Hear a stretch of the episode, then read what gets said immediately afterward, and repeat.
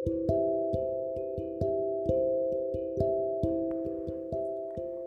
semua, welcome to my podcast Teman Lewat Suara. Kenalin, nama aku Risma Devi. Kalian boleh panggil aku Risma.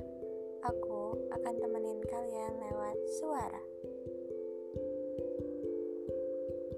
Menurut kalian, apa sih arti one and only.